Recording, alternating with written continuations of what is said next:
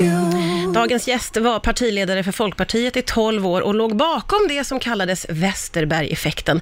Nu är han aktuell med boken med samma namn. Välkommen hit Bengt Westerberg. Tack så mycket. Jag har förstått det som att du ville inte skriva memoarer utan du har fokuserat på reflektioner kring frågor som du har varit engagerad i. Varför då? Jag tycker inte att mitt liv är tillräckligt intressant för att skriva memoarer faktiskt, men eh, däremot har jag kommit i kontakt med en massa frågor som jag tror har ett, mer, ett bredare intresse. Men egentligen skrev jag boken därför att jag tänkte att mina barnbarn om några år när de blir lite större kanske funderar på vad den där farfar eller morfar egentligen höll på med. Och då tänkte jag att det är väl bra om de inte är utlämnade helt i andras beskrivningar av det utan också får höra min egen. Så att det, boken är tillägnad dem. Ja, eh, och varifrån kommer ditt engagemang, skulle du säga? Ja, sånt där är alltid väldigt svårt att svara på. Eh, I vissa frågor kan jag nog hitta det rätt långt tillbaka i tiden, redan när jag var gymnasist eller tonåring. Alltså, eh, jag hade tänkt bli läkare på den tiden och hade ett stort intresse för psykiska sjukdomar. Så att mitt engagemang när det gäller funktionshinderfrågor till exempel, det kan jag spåra långt tillbaka. Men i övrigt så kommer det nog senare. Jag, jag växte upp i ett hem där vi aldrig pratade politik och man pratade inte politik i skolan heller egentligen när jag var ung. Så att det var när jag skulle rösta först första gången och då hade jag hunnit bli 23 innan det var dags att rösta första gången då, på 60-talet. Så då läste jag på lite grann för att bilda mig en uppfattning och det var väl också då mitt engagemang väcktes på allvar kan man säga. Eh, du, låter oss, du tar med oss ändå eh, eh, tillbaka till barndomen, för du skriver en del om barndomen i Södertälje eh, och eh, hur din pappa hade en färghandel och sådär. Vad minns du av din barndom? Jo, en hel del. Jag, jag skriver om det därför att jag tror att förutom att läsning och möten med människor har påverkat mig så tror jag också att man blir påverkad mycket av sin, sin uppväxt och sådär. Och, eh, ja, föräldrar och kanske ibland far och morföräldrar och vad de har sysslat med. Och färghandeln som min pappa och före honom min farmor hade, den har betytt väldigt mycket. Jag jobbade där mycket när jag var grabb och eh, tjänade lite pengar så man kunde köpa saker för och så. Och det var där jag träffade pappa. Han var ju väldigt mycket i färghandeln. Eh, så ville jag ha tag på honom så fick- jag söka honom där. Så att färghandeln har betytt eh, mycket.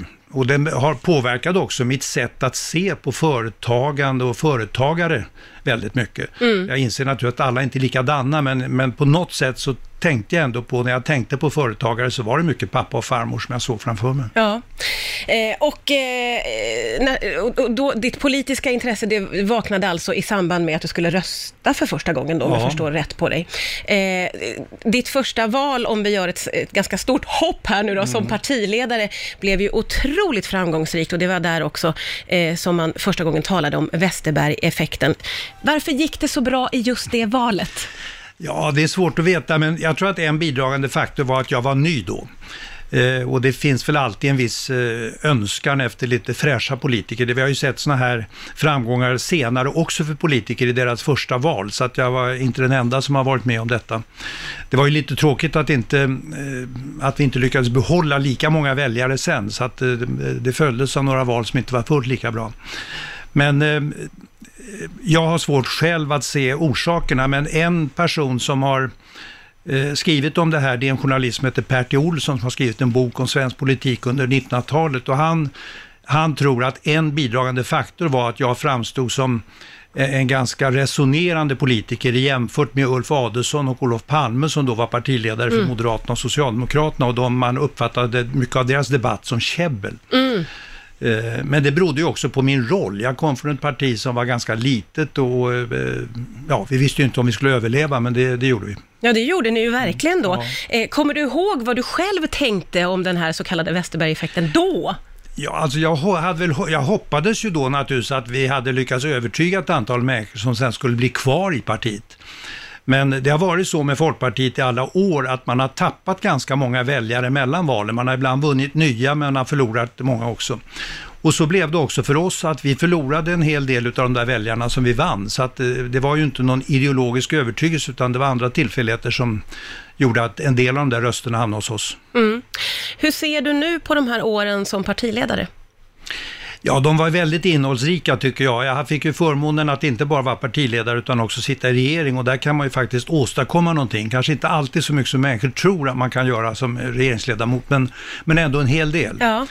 Eh, och några saker som jag gjorde då har ju levt vidare, till exempel det som kallas LSS-reformen som handlar om personer med funktionsnedsättning och pappamånaden i föräldraförsäkringen och en del andra saker. Skattereformen var jag med att genomföra, men där var ju många inblandade. Så att eh, det har satt en del märken, tycker jag, ändå i, i svensk politisk utveckling. Kan du känna dig stolt när du ser tillbaka? Ja, absolut. Eh, De här två reformerna som jag nämnde, LSS och, och pappamånaden, de känner jag mig väldigt stolt över och de finns ju kvar också.